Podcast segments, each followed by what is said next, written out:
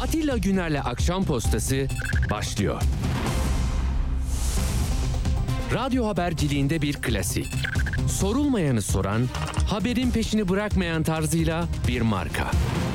Atilla Güner'le Akşam Postası, gündeme damga vuran konu ve konuklarla hafta içi her akşam 17'de Radyo Sputnik'te.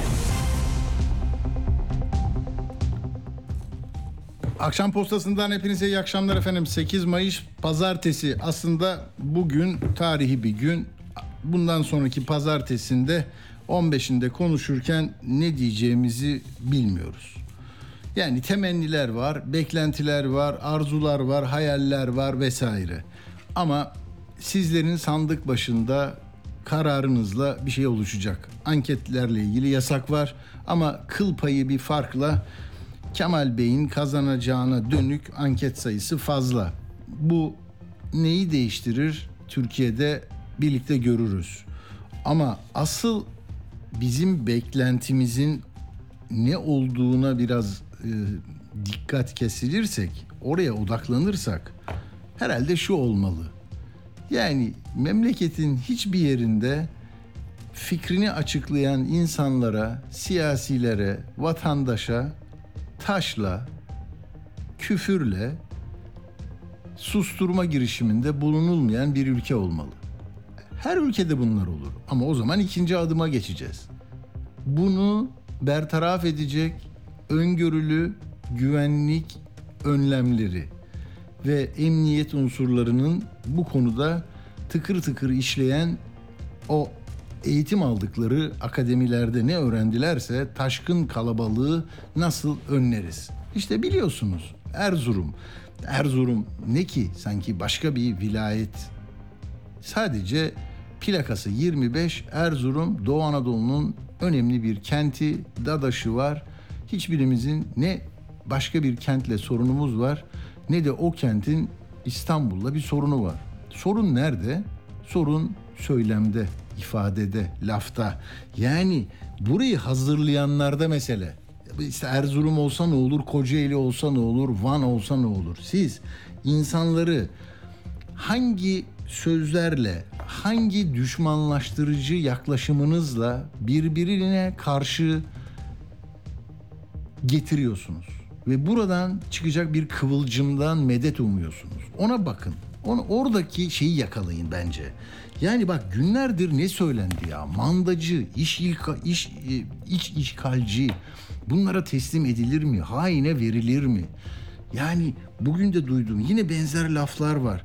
Diyor ki bak bugün Erdoğan dedi ki Edirne'de benim milletim değil ülkeyi günahını bile vermez. Yani böyle birisi gelmiş ki günahını bile vermeyecek bir insanlar grubuna biliyorsunuz harekete geçiriyorsunuz, zemin hazırlıyorsunuz. Sonra da onlar zaten kuvvetli bir şekilde bu, bu, bu meselede ister istemez rol alıyorlar ya da aldırıyorlar.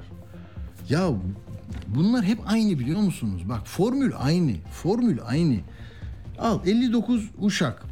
Bak İnönü gidecek oraya. 1950'de seçim olmuş. 59'da tahkikat komisyonları vesaire. Artık aşağı doğru inen bir Menderes dönemi var. Ne diyor biliyor musunuz? Muhalefet Haçlılar gibi geliyor sizin şehirlerinize diyor Menderes. Hani her gün resimleriyle Türk büyükleri diye sayılan 4-5 kişi var ya işte onlardan birisi. Bayar muhalefeti karınca gibi ezin diyor. Ve Uşak'ta saldırı oluyor İnönü'ye. Üç gün sonra bu Topkapı'ya gelir. Çok acayip fotoğraflar vardır. Ona bir bakın. Kamyonetlerle böyle kazmalı, tüfekli, tüfekli düzeltiyorum. Böyle şeyler işte kürekler vesaire. Vuracaklar yani. Hazırlamışlar sopalarını. 6-7 Eylül'de bizim adalara gelen motorla Maltepe'den Kartal'dan bildirilen bindirilen insanlar da böyle sopalarla gelip daha önceden kendilerine söylenen işte bu gayrimüslimin evi, bu Rum'un evi, bu şeyin Ermeni'nin evi diye darmadağın ettiklerinde de onları oraya yönlendirenlerdir asıl mesele. Bunlar küçük hacmen küçük her türlü sıkıntıyı yaratmaya meyilli insanlar. Orada da vurun Makaryos'a demişler ya. Ya şimdi Birinci Dünya Savaşı'nı kaybedenlerin torunu diyorlar. iç işgal diyorlar. Yani seni İngiliz, Fransız üniformasında bir asker gibi görmesini sağlıyor. O onu seni öyle görüyor. Ve tabii ki hani Maraş'ı Fransızlar gelmiş gibi savunma halleri var ya adam Erzurum'u savunduğunu zannediyor. Ama sen onu öyle yaptın. Onun ne derdi var? İstanbul Büyükşehir Belediye Başkanı gelmiş. Bakayım bu Ekrem kimmiş diye. Belki kenardan bakacak adama. Bir derdi yok ki. Ama sen onu böyle imal ediyorsun. Yeniden imal ediyorsun.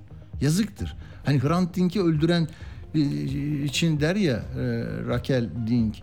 Yani küçücük bir çocuktan, bebekten katil yaratabilir, imal edilebilir bu ülkede. Asıl tehlike bu. Yine öyle. Bak yani saldıran İnönü'ye 64'e saldıran hocalardan vaaz aldım. Bu kutsal görev olduğuna inanıyorum. Görüyor musun? İnönü cenazede Allah Allahsızlar diye bir grup saldırıyor. Diyor ki Allahsıza namaz kılınmaz diyor. Yargıtay Başkanı Öktem'in cenazesini basıyorlar. İnönü de orada. General e, Alpartun silahını çekiyor. Memleketin sahibi var diye bağırıyor, dağılıyorlar. Yani Ecevit yine Ecevit'e de böyle her yerde oldu. Gere'de de Ecevit'e değil mi? Gere'de de, e, Elazığ'da, Ankara'da Demirel'e yumruk, Niksar'da Ecevit otobüsüne. Yani bak orada bile e, başbuğ Türkeş sloganları atıyor mesela Gümüşhane Şiran'da 77 CHP konvoyuna. Ecevit diyor ki bir avuç eşkıyanın kurşun sıkmasını önleyemezsiniz ceza önleyemezseniz cezasını çekersiniz güvenlik güçlerine.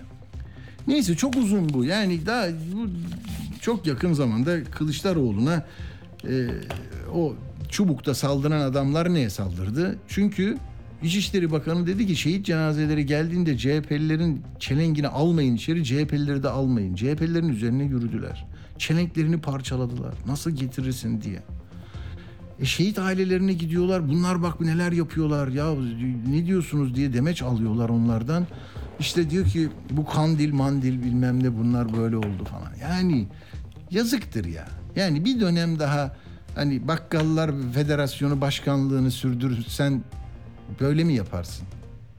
Yani hediyeler medyeler veriyorsunuz tamam da hani o da federasyon başkanı almak için yapıyorlar öyle şeyler. Hani sana verdim ona verdim al işte. Yani yarın kamu kamu çalışanları işçilerine o zamlarını açıklanacak.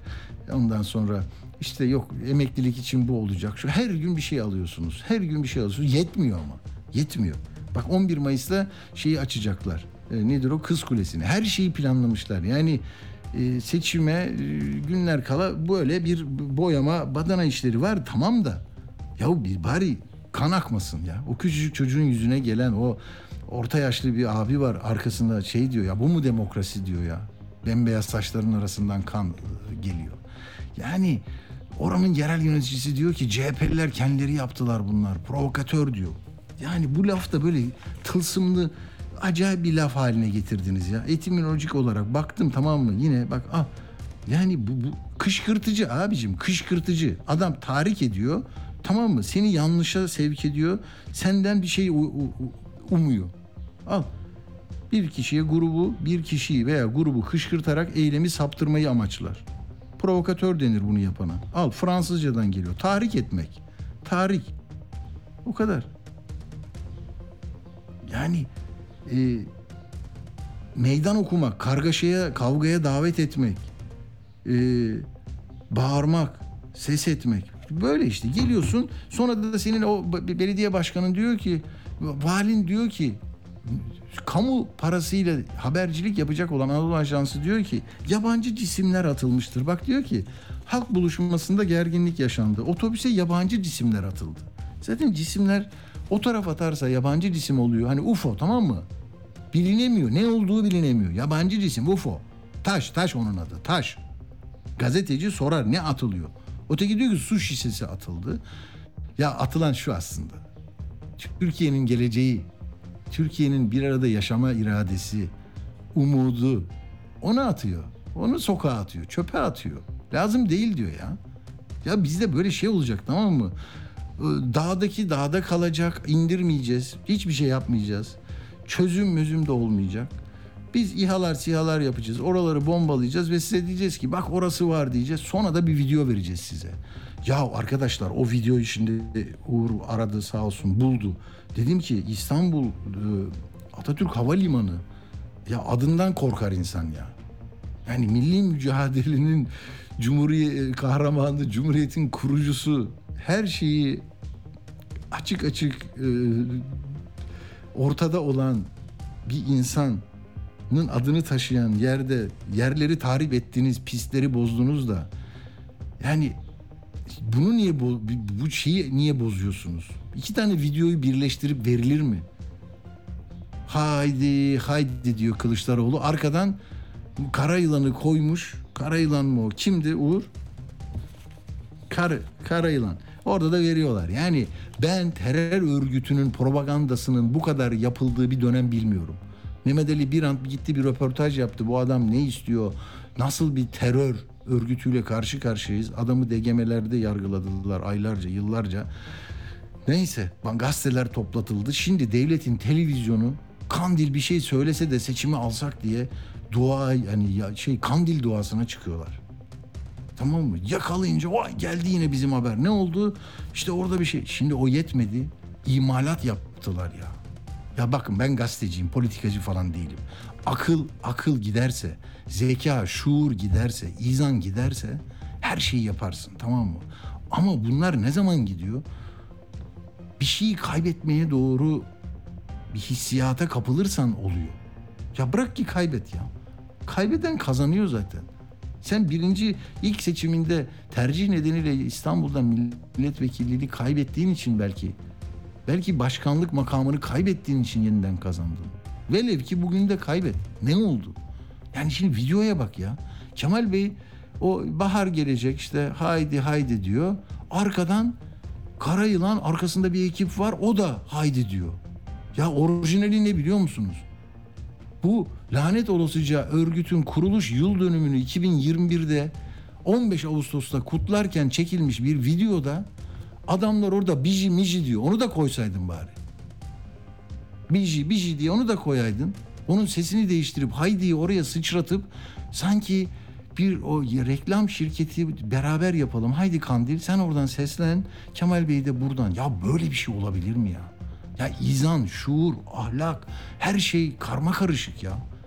Yani sözcüklerde neyi seçeceğini bilemiyorsun. Abicim bunu nasıl tarif edeyim ben sana ya? Yani senin senin oyun o havuzdan dışarı çıkmasın diye ya da öbür havuza, öbür rekabet, eşit, adil rekabet olması gereken diğer adaya gitmesin diye ona terör örgütünün yönetici kadrosunun bir videosunu alıp haydi haydi dedirtiyorsun ya. Bu var ya başka bir ülkede büyük büyük yankı uyandırır. Biz ne verilirse tüketiyoruz kardeşim. Tamam aldık gittik. Niye TRT'li de baş edilmiyor zaten. TRT TRT. Al işte. Kemal Bey onun için bugün çıkmış işte TRT'ye, TRT'yi TRT'de şikayet etti. Çok da iyi yaptı. Tamam mı? Demiş ki bak ben 7 yılda bir kez şey aldım buradan demiş ya. Yani bu TRT'nin, TRT Haber'in yayınlarına bakın. Bir e, yani neyse işte orası Ankara'da Balgat'ta mı nerede? Ankara'daki parti merkezi var ya Türk müdür nedir orası? Hani onun yanında bir bina olsa ve iktidar partisinin bir şey olsa hani örgüt içi, teşkilat içi bir televizyon olsa bunun kadar yapamaz. Bunun kadar yapamaz. Yani hakikaten yapamaz. Ben böyle yıllardır izlerim yani dikkat ederler, korurlar, kollarlar, ötekini az gösterirler ama böyle dille, tahrikle yani benim telef, te, bak, telefonumdaki fotoğraflar e, bunları bir gün yazarız, konuşuruz diye hepsini çekiyorum TRT Haber'de. Gördüğüm her şeyi geriye dönüp dönüp çekiyorum bilmem ne. Al bak. Şehit babasından yedili koalisyona tepki. Kandil'le beraberler.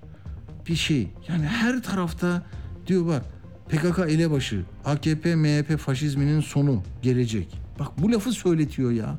Çünkü şey olsun diyor. E, yani seçimler benim lehime bitsin diyor. Neyse dağıldığımın farkındayım ama asıl olan somut olaylar üzerinden oldu, bitti, duydu, söyledi, çekti, etti, belirtti şeklinde konuştu demek değil ki. Zaten buraya toplanmanızın gayesi de bu adam ne diyor falan. Ben böyle diyorum tamam mı? Yani sen e, insanları bozkurt işareti yapan bu İmamoğlu da yaptı, Kemal Bey yaptı, Mansur Yavaş her yerde yapıyor. Meral Hanım'ın e, başbakanlığına katkısını e, koyuyor ortaya olması için. Hem Kemal Bey'e bir Kemal'e bir Meral'e diyorlar ya. Her yerde bozkurt işareti var. E şimdi burada saldıran o 100-150 kişilik grup da bozkurt işareti yapıyor. De Sinan Sinan Sinan Ateş'i öldüren yapıyordu değil mi Bozkurt işi Bozkurt? E Sinan da yapıyordu. E Sinan'ın katillerini bulmak isteyenler de yapıyor. Ne yani bir işaretle ne, neyi an, anlayacağız biz? Ne olduğunuzu bilmiyorum ben. Emniyet müdürü bilecek onu. Şimdi almış 13 kişi. 16'sından 13'ünü almışlar gözaltına. İhtiyaç olursa alınır dedi vali bey. Tamam mı? E şimdi ihtiyaçmış yani aldılar. Ya şu e, neyse şimdi diyeceğim ki e, açıklamalara bakın ya. Öncesi açıklamalar zaten vahim. Hani bir iç savaş çıkması için tasnif gerekiyorsa hani ileride Allah korusun öyle bizim şerbetimiz kuvvetli yani bizde bir şey olmuyor. İyi ki olmuyor. Olmuyor dediğimde olanları bilerek söylüyorum. Hani Çorum'unu, Maraş'ını, Madımak'ını. Yani bunlar küçücük bir şey. Küçücük bir tahrik yetiyor. Yapmayın. Yapmayın. Yani şeytan ayetleri dediler orada Aziz Nesin'i de e, öldüreceklerdi. Onlarca kişiyi yaktılar diri diri. Kimse e, kimse e, şey yapamadı. E, neyse dikkatimi dağıttınız. Şimdi devam ediyorum ben. Yani diyeceğim şu. Diyor ki ya Gördünüz diyor Emrullah İşler AK Partili. Seçimi kaybedeceğinizi anlayıp provokasyon yaparak mağduru oynayacaksınız. Eski İçişleri Bakanı Selami Altınok. Teşekkürler Erzurum diyor. Taş atanın elini öpeyim diyor adam ya. Aile Bakanı Derya Yanık. Erzurum belli hassasiyetleri olan bir yerdir. Türkiye belli hassasiyetleri olması gereken bir yerdir. Demokrasi, insan hakları, fikir özgürlüğü, fikir açıklama hürriyeti, ifade hürriyeti, farklı olanla taşla değil, söylemle e, karşı karşıya gelme hali. Ne televizyonlarda partiyi temsilen A partisiyle B partisini göremiyorsunuz. Herkes kendi yankı odasında, kendi televizyonda kendi kendine konuşuyor. Medeniyetin asgari bir şeyi var ya. Bu adam böyle diyor, ben ne diyeyim?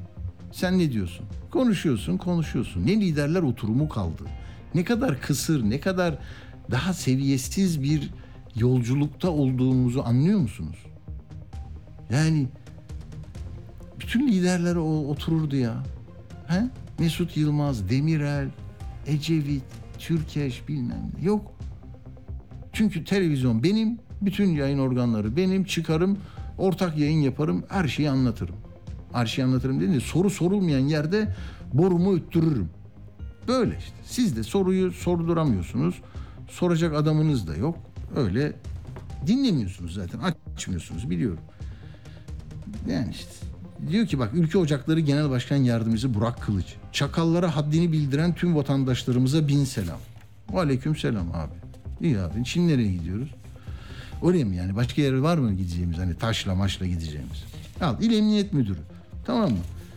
Asayiş Daire Başkanıymış. Bütün Türkiye'nin asayişinden sorumlu kritik bir arkadaşmış bu. İsmi Levent Tuncer. Birinci sınıf emniyet müdürü. Yahu sen ben şimdi hadi çocuklar o görüntüyü verin. Var bir 7-8 dakikamız. Ben bana yakın tekneyle gidiyorlardı. Ben de katıldım gazeteci sıfatımla. Gittim basın tribününde de oturdum. Vatandaşın arasında da gezdim. Maltepe'de altı liderin e, mitingini. Şimdi Orada bir emniyetin e, aldığı tedbirleri gördüm. Onca yıldır gider gelirim. Yani bir tabii teknoloji e, ve yaşanan tecrübeler öyle bir faydalı olmuş ki. Aman ya Rabbim. Bak deniz yoluyla gelenlere iki ayrı barikat. Kibarlar çantanızı açın. Kadınlar oradan erkekler buradan sonra ana caddeden gidiyorsunuz e, sahil yolu Maltepe'den diyelim benim gittiğim yer. Bütün kaldırımları karşı tarafı bu tarafı kapatmışlar. Aradan liderlerin ve işte protokolün arabaları gelecek. Her böyle 50 metrede bir onar 20'şer kişilik çevik kuvvet. Bütün e, rütbeli e, emniyetçiler orada. İl Emniyet Müdür Yardımcısı Zafer Orada tanıdım, sordum, sohbet ettim. İl Emniyet Müdür Yardımcısı, e, bütün bu işleri organize eden. Yani şunu diyeceğim. Orada bir şey gördüm. Mobil e, ne diyor? Emniyet e, İstanbul İl Emniyet Müdürlüğü mobil dur söyleyeceğim. E, onun fotoğrafını çekmiştim. Çok çarpıcı. Yani ne yapıyorlar biliyor musunuz? Drone uçuruyorlar. Görmüyorsunuz drone'u. Küçük küçük drone'lar uçuyor ve şey yapıyorlar. e, bütün hareketliliği takip ediyorlar. Her şeyi görüyorlar. Tedbir alıyorlar. Ya bu Erzurum'da mesela böyle çalışmadı. Değil mi? Erzurum'da çalışmadı. Tam adını okuyacaktım bunu. Bir tır getirmişler. Polisler duruyor. Her tarafında şey var. Ee, elektronik e, şeyler, dronlar, bilmem. Nereye koydum ben bunu? Ha burada. Diyor ki bak İstanbul Emniyet Müdürlüğü Mobil Komuta Merkezi. Tabii ki- kimliklerini görünmesin diye ben sadece bu aracı çektim. Dolayısıyla onlarca drone laptoptan bakıyorlar falan. Ne diyeceğim yani? Şunu diyeceğim. Yani sen asayiş şube, asayiş Türkiye'nin asayiş daire başkanıymışsın. Levent Müdür. Bunları öğrenmedin mi yani? Şu tarafa bunu koy, bu tarafa bunu koy. O adam gelemez. Nereye geliyorsun? Ya ben gazeteci olarak içeri giremedim. Dediler ki doldu. Ya dedim kartım var bak benim ne yapıyorsun ben partili değilim bir şey değil. Ha? Yok dedi giremezsin. Nasıl girdim biliyor musun? Enis Berberoğlu geçiyordu da beni gördü dedim ya Enis kaptan bu nedir iş nasıl gireceğiz? Enis beni soktu. Sonra Enis'ten sonra beni kapattılar önümü. Sonra işte İl Emniyet Müdür Yardımcısı bırakın dedi. Basın kartlı arkadaşı bırakın dedi falan. Neyse şunu diyeceğim ya bu kadar tedbir almışlar. Kolay değil. Altı lider var.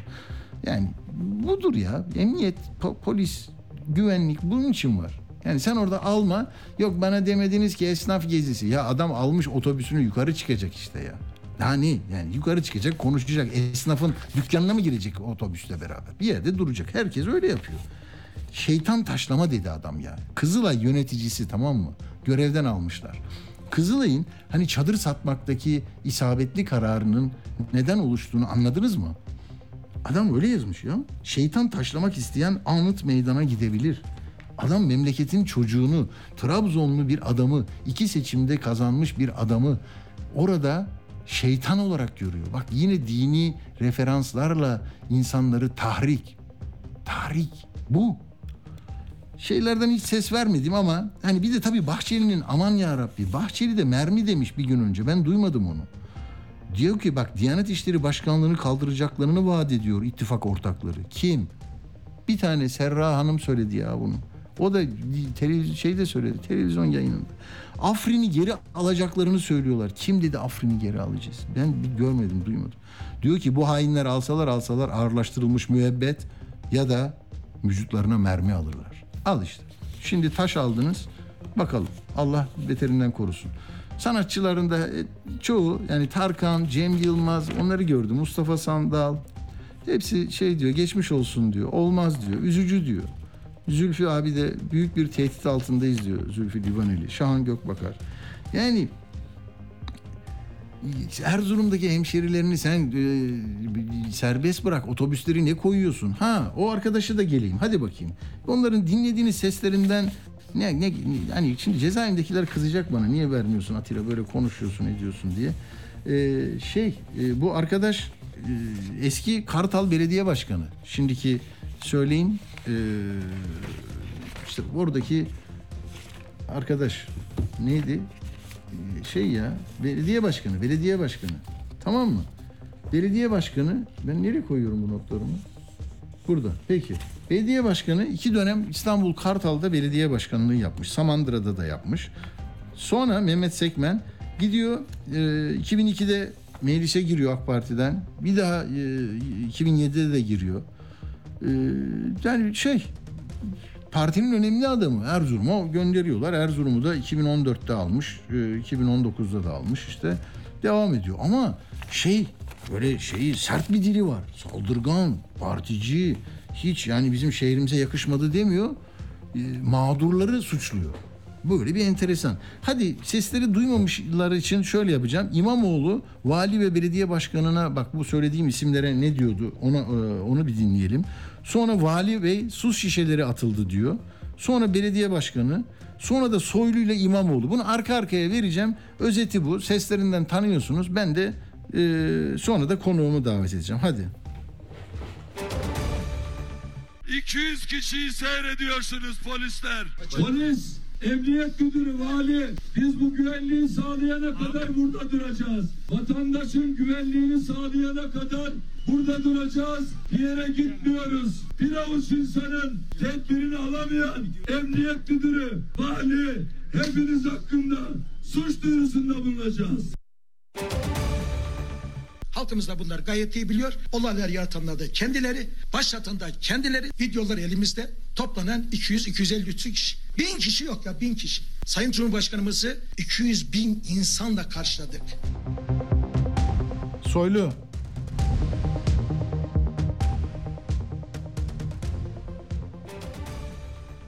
Ekrem İmamoğlu Türkiye'ye gelmiş en büyük sahtekarlardan bir tanesidir. Bak çok net söylüyorum. Sahtekar, halka yalan söyleyen sahtekardır. Hem yalancıdır hem de sahtekardır. gittiği her yerde bu tip provokatif ve tahrik gücü olan işler gerçekleştiriyor.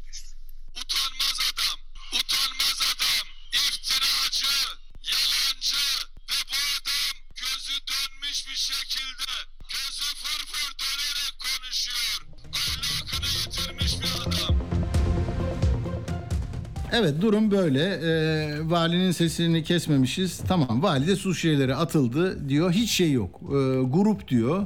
Ee, saldırgan demiyor. Dile çok çok hakimler tamam mı? Yani rencide etmesinler diye. Sonra bir de Erzurumlara provokatör dedi diyorlar. Öyle değil. O da 100-150 kişi içinde bu varsa buna denir yani. Başka ne diyecek? Erzurum halkıyla ilgisi yok diye söylediler. Şimdi Bugün de Konya'ya gitti. Konya'da da e, yani karşılayanı var, seveni var, dinleyeni var. Tamam? Ne yapacaksın? İşte orada İmamoğlu herkese teşekkür etti. Valisine, emniyet müdürüne. Yer e, tahsis edilmiş, güvenlik alınmış. Bu nedir ya? Herkes işini yapsın kardeşim. Gazeteci gazeteciliğini yapsın. Emniyet emniyet güvenlik önlemini alsın. O gerisi vatandaş zaten oyunu verecek. Yöneten de kimse çıkacak. O da yeniden eksiği fazlası varsa konuşacak. Yani Enis Berberoğlu orada İl Emniyet Müdür Yardımcısıyla konuşurken ben iznini de aldım sayılır. Yani şöyle bir diyalog geçti. Giremedi o da giremedi. Çünkü bir küçük polis memuru yani küçük dediğim yaşı küçük 6 aylık eğitimle polis olmuş protokol kapısında duruyor tamam mı? Dedi ki e, giremezsiniz dedi. Ben dedi milletvekiliyim dedi. Nereden bileyim sizin milletvekili olduğunuzu dedi. Hadi tamam onu da görmüyor, bakmıyor. Karşı tarafta kim var? Hani hapis yatıp o Kartal'daki o yürüyüşü Ankara'dan büyük adalet yürüyüşünün e, onun için yapıldığını bilmiyor olabilir. Merakı yok adamın tamam. Ama öyle denmez. İşte onu girdi içeriye sonra dedi ki Enis ya böyle şey olur mu dedi. Yani lisan, yaklaşım bilmem ne. Ondan sonra şey dedi emniyet müdür yardımcısı da siz dedi e, yani parti olarak da dedi bir dahaki mitingde dedi bir dahaki mitingde dedi size e, e, bakanınız nasıl davranacağını söyleyecek dedi. O da sinirlendi yani. Yani sen şimdi bugün yapamadınız bir dahaki miting deyince o zaman zaten anlayış değişecek demek istedi Enis böyle. Şimdi bugün de arkadaşlar Konya'da sakin, huzurlu geldi, geçti, mesajlarını verdi. Ee, başka bir şey yok orada. Ama e, Murat e, neydi soyadı e, bizim Ongun Murat Ongun. Yani o bir aracın içinde emniyet müdürü Erzurum'da çekilmiş yani bir şey olacak diye korumak için aşağı indiriyor. Şemsiyelerle zaten taşları bir kısmını önlediler. Ama emniyet e, o görevlisinin de ayağına taş geldi. Onu içeriye soktu. Murat orada e, tabii çok e, önemli bir rolü var e, İmamoğlu üzerinde bir mes- oradaki insanları korumak için dedi ki git gidelim diyor emniyet müdürü. Murat diyor ki hayır. Kulağına bir şey fısıldıyor. O sırada da yayın çekiliyor. Video çekiyorlar yani tep cep telefonundan. O var mı bizde? Yani konuğumuzu bağladık mı? Bandı evet oradaki çok kısa onu da verelim. Yani orada yani bunların güvenliğini sağlamadan ortada bırakıp gidersek olmaz diyor şey e, Murat Ongun. Ee, Ekrem Bey de bunu e, kabul ediyor ve orada o diyaloğu bir size anlatmak istedim, dinletmek istedim. Çok kısa verelim hemen konuğumuzu arayalım. Dur gitme ya. Yavaş yavaş. Gideceğiz ya niye gitmeyeceğiz? Niye Camları Hayır. Ne yapıyorsun? Dur. Dur. Dur. dur. Diyoruz. Polis güvenliği sağlamadığı için biz buradan konuşalım. Ama veda ederek konuşalım. Buyurun başkanım. Evet böyle e, veda veda ederek konuşalım diyor. Yani orada emniyet görevlisi ya da koruma e, yöneticisi diyelim Ekrem Bey'in korumasından sorumlu hafif e, böyle kilolu görünen e, bir arkadaş görüntülerde görüyorsunuz yanı başında. O hemen terk etmek istiyor ama Murat Ongun da o kalabalığın da korunması gerektiğini düşündüğü için bu mesajı verip gidelim diyor. İşte karşılıklı suç duyurusunda bulunacağız vesaire onlar konuşuluyor. Ben şimdi e, sizi e, yeni e, bir konuya geçmiyoruz. Aynı konunun da bir devamı niteliğinde bu. E, Doktor Ulaş Toll'la e, söyleşeceğiz. Tim araştırmanın kurucusu kendisi. Merhaba Ulaş Bey hoş geldiniz. Merhaba Atilla Bey, iyi yayınlar. Teşekkür ederiz. Siz bu e, Erzurum'daki siyasi nabzı anlatan bir şeyleri de paylaştığınız insanlarla. Erzurum'da CHP'nin bir vekil kazanma ihtimali belirdi e, deniyor. Siz de bu buna dönük bir e, değerlendirme yapıyorsunuz. Ne hakikaten ne çıkıyor orada? Şöyle Erzurum'da 6 milletvekili seçilecek. Bunların 4'ünü AK Parti birini MHP almıştı 2018'de. Hmm. Dolayısıyla 5'i Cumhur İttifakı'nda kalmıştı. Bir tanesini de İyi Parti almıştı. Şimdi biliyorsunuz CHP çatısı altında e, giren seçime 4 parti daha var. E, Saadet Hmm. Partisi, DEVA, Gelecek Partisi ve Demokrat Parti. Onlar da bu o, tür şehirlerde bir oy o, oranına sahipler. E. Dolayısıyla son onların da oylarının gelmesiyle birlikte son dönemlerde biz CHP'yi e, %11'lerin üzerinde e, bulduk. Ama tam geldikleri takdirde 13'leri de buluyor ama şu anda 11 seviyesinde. Erzurum'da Hmm. da şöyle kritik bir şey var. AK Parti çok açık ara önde ama e, 4 milletvekilini de alıyor ama 3 parti 4 parti MHP, CHP, İyi Parti e, ve Yeşil Sol Parti yani HDP'nin e, çatı partisi şu anki e, kalan 2 milletvekilini alacak. Bunlardan hangisi diğerlerinin önünde bitirirse o alacak. E, Şu anda Hmm. Yeşil Sol e, diğerlerinin önünde o bir taneyi alıyor. Kalan bir taneyi de e, ya MHP ya CHP alacak gibi görünüyor. Eğer e, bu barajı geçemeyecek işte Memleket Partisi gibi, Zafer Partisi gibi e, ya da diğer küçük oranlı oy- oylara sahip partiler e, de CHP'yi desteklerse örneğin CHP e, MHP'den bir milletvekili alacak gibi duruyor. Çünkü kafa kafayalar. Tam e, birbirlerine Hmm. yakın oy oranlarına sahipler. Ha, onun için o stratejik oy kullanacak seçmenlere e, dönük bir ibare kullanmışsınız değil mi? Yani bakıyor kentindeki duruma e, yani bu, bu daha ehvenişer deyip belki e, oyunu ona göre atabilir. Değil mi? Bunu Evet. kastediyorsunuz. Aynen. Şu Hı. anda ben şöyle bir yorum yapıyorum. Ee, En büyük parti muhalefet tarafında taktiksel oy ya da stratejik oy partisi. Çok sayıda seçmen e, bize bu soruları soruyor. Ee, Burada ben yaşıyorum ne yapmalıyım diyor. Yani şu anda seçmen muhalif tarafta kime oy vermeye e, yatkın olduğuyla değil e, iktidarın değişimi için ne yapması ne yapmam gerekir duygusuyla davranıyor. E, o yüzden de bu, bu tür bilgilere bakıyor. Biz de il il e, her seçim bölgesinde durumun ne olduğunu fotoğrafladık ve olasılıkları koyduk. Yani seçim tahmini değil de burada kim kimi geçerse kim kimin üzerinde Hmm. kalırsa e, nasıl milletvekili çıkarabilir diye il il e, onları tanımladık. Bir tanesi de Erzurum'da arkadaşlarla onu paylaşmış e, sosyal medyada. Bu çok önemli e, Ulaş Bey. Şöyle e, bir şey soracağım. Ben de tanık oluyorum. Yani şimdi e, muhalefetin içinde sol cenah diyelim yani altılı par, altılı bileşenler dışında daha kendini solda ifade eden insanların bir sıkıntısı da belli illerde e, işte Emek ve Özgürlük İttifakı mı tip ayrı giriyor. E, Nasıl Evet. yapalım? Acaba tipe verdiğimiz 85 bin oy verirsek yine 100 bini tutamazsa bir vekil çıkaramayacak diyelim İstanbul ikinci bölgede, birinci bölgede. Böyle şeyleri de kastediyorsunuz değil mi? Onlar yani e, onlar ama çok böyle e, stratejik oy kullanmaya meyilli insanlar. Yani onu mesela Memleket Evet. Partili'nin böyle düşüneceğini zannetmiyorum ben ya da değil mi Sinan Oğan'la? Değil aslında. Hı. Onları destekleyen seçmen grubunda da bir tepki oyu e, üzerinden birikti orası. Mesela çok duyuyoruz şu anda özellikle Cumhurbaşkanlığı seçimlerinde de. Çünkü Cumhurbaşkanlığı seçimi de o iki adaya e, ne kadar destekleneceğine bağlı olarak ikinci tura kalıp kalmayacak. Orada da çok fazla sayıda e, madem ikinci tura kalmıyor ve bu adayların birinci Hmm. çıkma ihtimali yok. Muhalefetin önde e, gelen adayı olma ihtimali yok. O zaman e, kararımı gözden geçiririm diyen çok oluyor. Çok e, hızla düştüler çünkü özellikle ince çok hızlı çıkmıştı. Çok da hızlı düştü. E, Ama meclis tarafında dediğiniz doğru. Şöyle bir ilginç bir durum var. 2018'de 8 parti girmişti seçime. Bu, bu seçimde 36 parti logosu e, kuraya girdi. Sonradan bir dizi bir kısmı pazarlık partisi tabii bunların. Onlar e, Hmm. e, bir yerlerle birlikte girmeye karar verince 26 parti giriyor seçime. Bu çok büyük. Evet, Biraz da evet. sanki iktidarın değişecek olması heyecanlandırdı siyaseti ve biz de siyaset arenasında olmalıyız duygusu oldu ama sanki bu seçimde o seçim değil gibi görünüyor. Seçmen en azından böyle düşünüyor. Dediğinizde var. Özellikle tipi destekleyen seçmenin kafası çok karışık. Çünkü birçok yerde ihtimali e, daha zor.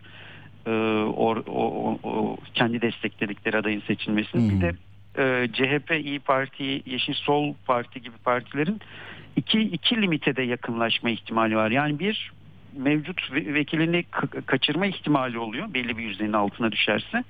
Bir de üstüne çıkarsa bir sonraki vekili alma ihtimali oluyor. Ee, o yüzden onların e, kritiklik düzeyi daha fazla oluyor. Ee, ve e, işte taktiksel oy kullanmak isteyenler de onlara doğru yöneliyor. Ee, diğeri biraz gönlünün partisi olarak kalmış oluyor.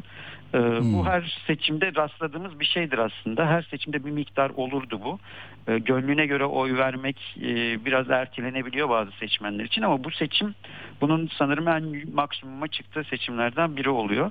Ee, çok hızlı dönüşümler olabiliyor. Olabilir. Peki veri veri setini nereden bulabilir? Sizin bu etraflıca bir sitenizde var mı? Ee, Yani il, il seçim bölgesi diyelim İstanbul'da e, durum ne? Bir önceki seçimde kaç çıkmıştı? Şimdi ne olur gibi yani varsayımları da e, içeren bir e, bilgi seti var mı? Biz evet sitemizde vardı bu değerlendirme. Sosyal medyamızdan da ulaşabilirler. Oradan da gidebilirler dinleyiciler. Sitemizin de ana sayfasında şu anda var e, il il değerlendirme. Bir de bu verileri alıp e, çeşitli analizler yapan insanlar da var. Sosyal medyada onları da e, bulabilirler. Stratejik oy, taktiksel oy gibi kavramlarla e, paylaşımlar yapıyorlar. E, kendi seçim bölgelerini oradan dinleyiciler görebilir fotoğrafı. Ama son kertede karar tabii e, onların ister gönüllerine göre verecekler, ister bu durumlara bakacaklar. E, her birinin bir ayrı değeri var. Oy kullanmak en önemlisi. E, onu söyleyerek bu, tar- Doğru.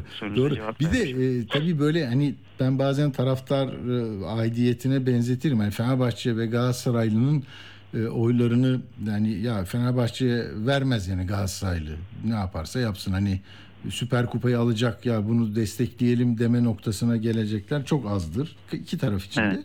Ama burada yani Adalet ve Kalkınma Partisi'ni e, bir yere koyabiliriz. Bir Cumhuriyet Halk Partisi'nin o geleneksel çizgisini babadan oğula geçen bir yaklaşımla sürdürenler dışında e, daha Türkiye meselesine başka açılardan bakanlar e, bu taktiksel oyu şey kıymetlendiriyor galiba. Yani e, uyguluyorlar.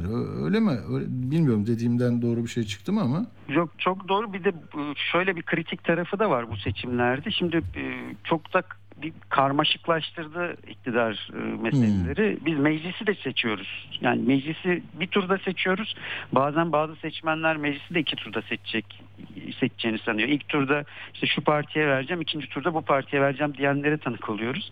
Ama öyle olmayacak. İlk turda meclis belli olmuş olacak. Eğer ikinci tura Cumhurbaşkanlığı kalırsa da meclis fotoğrafıyla propagandasını yapacak Ya. taraflar. Ee, ve bizim Nisan hesaplarımıza göre Cumhur İttifakı 290 vekil çıkarıyor. Nisan başında 300'ü de geçiyordu Memleket Partisi daha yüksek orandayken. Çünkü muhalefette vekile dönüşmeyen oylar çok olduğunda bu iktidara yarıyor. Ee, 290 da olsa 300 de olsa bu e, meclis aritmetiğinde önemli bir güç sağlayacak e, Cumhur İttifakı'na. İkinci tur propagandasını da bunun üzerine kuracak. Ee, biraz tali kaldı meclis konusu gündemde kamuoyunda ama hem bu nedenle önemli hem de meclis önemli bir kurum. Biz hani e, Cumhur. İttifakı iktidardayken onu hissedemedik çünkü o da onlardaydı ve istediğini yaptı e, Hmm. Cumhurbaşkanı. Şimdi halbuki bu iki organ farklı güçte olduğunda e, farklı iki güç olmuş olacak ve meclis de bazı e, çıkaracağı kanunlarla Cumhurbaşkanı'nın e, işini yokuşa sürebilir, bütçeyi onaylayamayabilir. E, her şeyden önemlisi her konuyu tartışır hale e, geleceğiz. E, o yüzden meclisin de e, yani seçmenlerin istediği yönde şekillenmesine önem vermesi gerekiyor. Çok önemli. Peki e, çok teşekkür ediyoruz. Yine dinleyenlere siz kendiniz e, adresinizi söyler misiniz belki Ulaş Bey? Yani kolay ulaşılsın, daha çok bilgiye sahip olsunlar. Evet. E, Sizin İster Hı hı. sosyal medyada e, e, team araştırma diye TEAM, e, team Hı hı. İngilizce team'in kısaltması e, TEAM araştırma. İngilizce yazıyor. Onu da onu söyleyeyim değil mi? T E A ve M harflerinden oluşuyor. Evet, Hı hı. evet.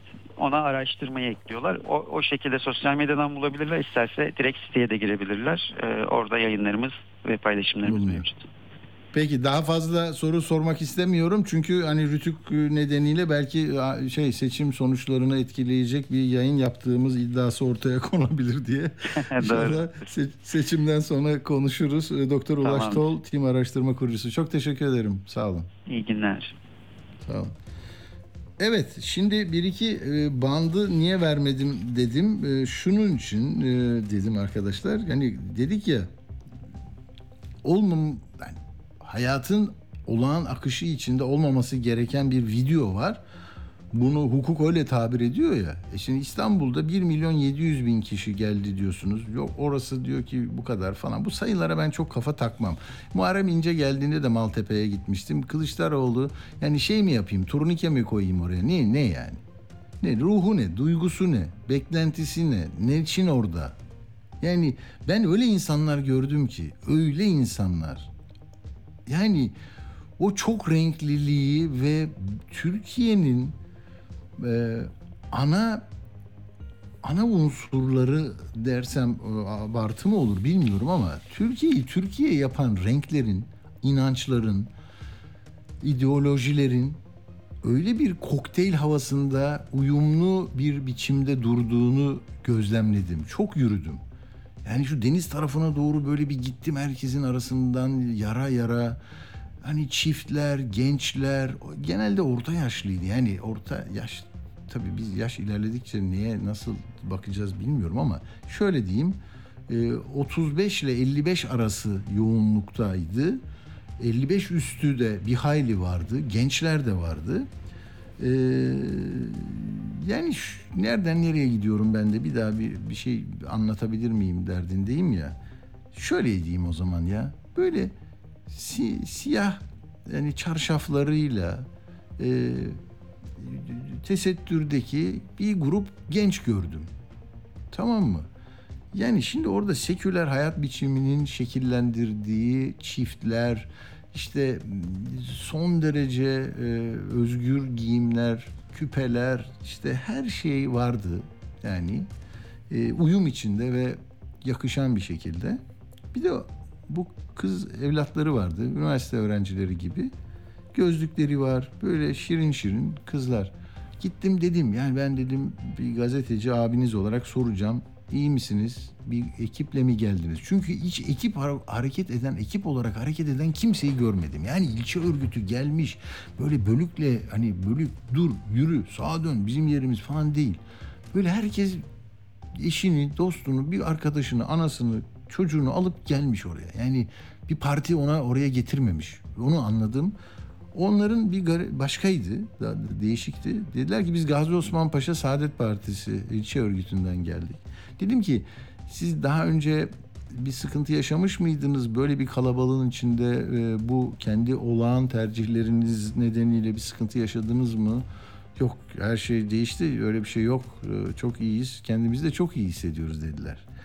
Ee, Böyle yani pe- pek çok insana sordum ne diyorsunuz? dedim. Olacak bu sefer olacak. inancı var umudu var. Tamam bu e, Maltepe'yi söylüyorum. Ha şeyi de hani e, yakın olsaydı emin olun e, Erdoğan'ın yerine de giderdim. Hani o da Maltepe'de yapsaydı. Çünkü çok ya rahat. Öbür tarafta artık ben karayoluyla Atatürk Havalimanı'nda gözlem yapmayı gözüm yemedi. Dönemem dedim sonra adaya kalırım oralarda. Peki şimdi hayır gel gelelim oradaki e, videoya. Kılıçdaroğlu'nun hani Karayılan'la bir arada gösterdiler dedim ya. Onun bir sesi var. Bir onu bir verelim. He? Necdet o var değil mi elimizde? Yani bakın orada haydi haydi diyen Kemal Bey'in sesini artık tanıyor herkes. Arkasından da Karayılan'ın mı başkasının mı ama Karayılan'ın üstüne sanki hani bu bir şeyler oynayacaklar fake videolar gelecek deniyordu ya. Onu hatırlatıyorum gibi bir durum var. Yani o konuşmuyor. O biji bilmem ne diyor orada. Ama ona Haydi Haydi'yi şarkısını eklemişler. Bir de böyle oynuyor e, Kara Yılan. İşte onu bir izleyelim bakalım. Bunlarla beraber Vurmak için omuz omuza olmuşlar. bu Haydi, PKK'larla beraber yürüyor. Benim milli ve yerli olan vatandaşım bunlara oy verir mi? Haydi birlikte sandığa. Bak bu çok önemli.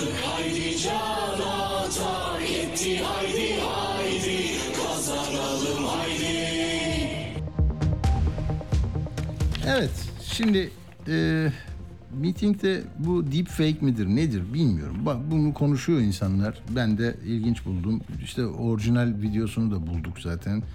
E, Kandil'deki başka ör- örgütün, terör örgütünün kuruluş yıl dönümünü kutlarken onu oraya koy. Sonra seçim şarkısını koy. Yani başkası iktidar partisine bunu yapsa kıyamet kopardı. Herhalde gözaltına alırlardı yani. Neyse sonra Erdoğan yine geldi aynı konuya. Bunlar Atik Valide Camii'ne bira şişeleriyle girdiler mi? Tüneller açmaya kalktılar ama bedelini ağır ödediler. Bay bay Kemal istersen fıçılarla iç. Benim milletim ay yaşa sarhoşa kalkıp da meydanı bırakmaz. Yani nokta. Tamam mı? Yani döndük dolaştık. Ay yaş sarhoşa geldik. Bunu Atatürk'le İnönü'ye söylediğine dair çok yaygın bir kanaat vardır bir dönem. Çok da olay olmuştu. Şimdi geldik hani nereden bölelim abi sizi? Şöyle yapalım. Aile salonumuz da var. LGBT diyelim. Peki. Bir de yani restoranda içkisiz bölüm olur bilmem ne olur ama bu hayatın kendisinde var. Ama sen siyaset yaparken senin milletine ay yaşa sarhoşa kalkıp meydanı bırakmaz. Yani hani yaşam tarzına saygılıyız sonra bir seçim bildirgesi oluyor. Yaşam tarzına saygılıyız. İşte tekel zamları oluyor. Ne oluyor? Yani içki mi yasaklansa? İçkiyi savunan birisi olmayı düşünmüyorum bu noktada. Ama bu tercih var mı kardeşim? Hani bikiniyle de giren var. Tesettürüyle bilmem ne haşamasıyla giren var. Yani biz bunları aştık demiyor muyduk ya? Yani eleştirilen, eski eleştirilen şey neydi? Ya işte bunlar bak işte inançlı insanlara, başı örtülere bilmem neye işte ordu evine de almıyorlar. Yemin töreninde Manisa İl Alay Komutanlığına da, da almıyorlar. Bilmem ne değişti tamam. E şimdi de ayyaşlar kayyaşlar bilmem neler bilmem neler. Vatan hainleri mandacılar. Ya eskiden bir şarkısı yok muydu? Biz aynı yelin bilmem nesiyiz, aynı dağın bilmem nesiyiz bir şeyler. Neymişiz? Değilmişiz abi. Ay yaşı sarhoşu ayrı tutuyormuşuz. Tek elin şey neyse işte bu alkollü içeceklerin kaç liralık satıldığına mı bakalım? Oradan gelen vergiye mi bakalım? Yani onların siyaset yapma özgürlüğünü mü alalım? Ne diyorsunuz? Anlamıyorum ki ben. Bir şey anlamıyorum Allah. Dolmabahçe'deki imam tabi bu laf üzerine aday da oldu ya Fuat Yıldırım demiş ki ya e, üç gün olayın içindeydim gezi olaylarında. Hiçbir yetkilinin alana inmediği bir zamanda o krizi yönettim. Yaşadıklarımı anlattım çok. İçki içildiğini görmedim. Ben gördüğümü söylerim. Kurtuluş doğruluktandır diyen peygamberin takipçisiyim. Müslüman yalan söylemez. Görmediğimi söyleyemem diyor. Ama işte böyle. İçildi bitti abi. Şey bunlar Diyaneti kapatacağım, TOKİ'yi kapatacağım. Bunlar işte Afrin'i alacağım diyorlar falan. Altı liderlerin ortak şeyleri var mitinlerinde yok. Şimdi peki Uğur ee, Uğur'la konuşacağız. Uğur bugün bize e, iki şey söyleyecek. Bir yurt dışı oyları söyleyecek. Bir de e, Kemal Derviş hayatını kaybetti. 74 yaşında. Yani 2000'li yılların başını bilenler bu ismin ne kadar e, önemli olduğunu e, biliyorlardır. Peki e, sen de Uğur'cum hoş geldin. Merhaba, hoş bulduk. Hadi bakalım senle gidelim. Ne oldu o yurt dışı oyları ne oldu şimdi? Şimdi aslında en başta bir e, şey e, algı oldu. Sanki yurt dışında çok büyük bir böyle sandığa akım varmış. Geçen 2018 seçimine göre çok daha fazla insan oy veriyormuş gibi ama son so- gelen sonuçlar 2018 seçimine göre katılımın daha düşük kaldığını gösteriyor. Yani o zaman 50.1 olmuştu %50.1. Şimdi %49 48.8 hatta. Ama E, daha oylar gelecek değil mi birkaç ülkeden? 9 ülke mi onu diyorlar? söyleyeceğim. 73 e, ülkede sandık açılmıştı. Bunlardan Hmm. sadece 6 tanesi kaldı. Onlar da yarına kadar oy verebilecekler. Yarın son gün. E, yani seçmen sayısının nispeten yüksek olduğu ülkeler yarına kadar oy verebilecek. Almanya, Fransa, Avusturya, e, KKTC, Danimarka e, ve Lüksemburg kaldı sadece. Diğer onun, onun dışındaki bütün ülkelerde sandıklar kapanmış durumda. Ee, oradan gelecek oylar tabii diplomatik kuryelerle falan taşınmaya başlanacak. Hatta bugün A'da bir haber gördüm. İtalya'nın oyları yola çıkmış geliyormuş. Ee, Onlar gelecek ve buradaki oylarla birlikte sayılacak. Biliyorsunuz yüzde e, 3'e 4'e yakın bir e, etkisi olabileceği hesaplanıyor bunun. O zaman katılım öyle %55'i olursa e, anca ha Uğur öyle görünüyor sanki. 49'dan Evet, 55'e çıkmış gibi bir şey olacak. Belki belki Bakalım. evet. Yani ilk, ilk günlerde bir iki katına kadar bir yüksek Ya. oy verme olmuştu ama insanlar herhalde ilk gün heyecanıyla e, herkes sandığa koştu. Ondan sonra biraz durulmuş gözüküyor. Bakalım yarın normal rakama zaten almış olacağız. Evet. Şimdi Kemal Derviş'in vefatı Parkinson tedavisi görüyordu Amerika'da uzun süredir zaten. Ee, yani şimdi 2023'teyiz. 2001'e ait bir e, insanın e, profilini anlatacağım ama e, o dönem tabii çok önemli bir adamdı. Yani her söylediği e, söz manşetlere çıkıyordu. Hatta yemek yediği restoranda bir kare görüntü almak için millet kayık kiralıyordu. Fotoğrafını çekebilmek için gazetelere koyabilmek için. O kadar önemliydi. Çünkü 2001 krizinde işte Ecevit hükümeti tarafından Türkiye'ye davet edilmişti Amerika'dan ve e, devlet bakanı olarak IMF'le müzakereleri yönetmişti. E, sonra işte dalgalı kura geçti e, ülke. E, Bankalarla 2002 ilgili önemli kararlar aldırdı değil mi? O- çok, Onun çok zamanında mı önemli olmuş? kararlar aldı. Hı. Güçlü ekonomiye geçiş programı adı altında bir program uyguladı. Ee, ve 2002 Ağustos'ta da yani 2001'de geldi. 2002 Ağustos'ta da Bahçeli ile görüş ayrılığına düştü. Görevinden istifa etti. Sonra milletvekili seçildi CHP'den 3 Kasım 2002 seçimlerinde. 2005'te de milletvekiliğinden gene istifa etti ve Birleşmiş Milletler Kalkınma Programı'nın başkanlığına gitti. Orada 4 yıl görev yaptı. Sonra da bir düşünce kuruluşuyla Amerika'da devam etti. Şimdi Türkiye'den ayrıldıktan sonra uzun yıllar şey yapmamıştı. E, Türkiye'de basına röportaj vermemişti. E, ben de o zamanlar genç bir gazeteci Uğur olarak Koçbaş'la görüşene kadar. ben, ben bir girişimde bulunmuştum e, Vatan Gazetesi'ndeyken. E, ve e, Türk Kaç yılıydı Uğur o? Kaç yılında yaptın onu? 2012'de yaptım ben röportajı. Hmm. Yani bundan 11 yıl önce. Ee, uzun yıllar sonra ilk kez bana röportaj vermişti. Orada da çok samimi bir Galata Kulesi'nde yapmıştık röportajı. Hmm. Orada çok samimi fotoğraflar çektirmiştik. Ee, Türkiye'nin gidişatı ile ilgili konuşmuştuk. Ya tesadüf bu ya. Yani 2023 hedeflerini konuşmuşum ben o gün. Ee, 11 yıl önce bugün ve 2023'te de Kemal Derviş vefat etti. Şimdi 2023 hedefleri için 3 uyarı e, diye Vatan Gazetesi'ne manşet olmuştu röportaj. Orada demişti ki Kemal Derviş 3 tane kriteri var. Türkiye'nin bu 2023 hedeflerini yakalayabilmesi için. Yani şu işte 20 bin dolar milli gelir, 500 milyar dolar e, ihracat, 1 trilyon dolar milli gelir vesaire. Dünyanın en büyük 10 ekonomisinden falan olma hedeflerini açıklamıştı ya Erdoğan. Onu konuşmuştuk o zaman. E, demişti ki 3 tane e, kriter var. Birincisi sıkı mali disiplin. Yani şeyden hiçbir şekilde taviz verilmeyecek mali disiplinden.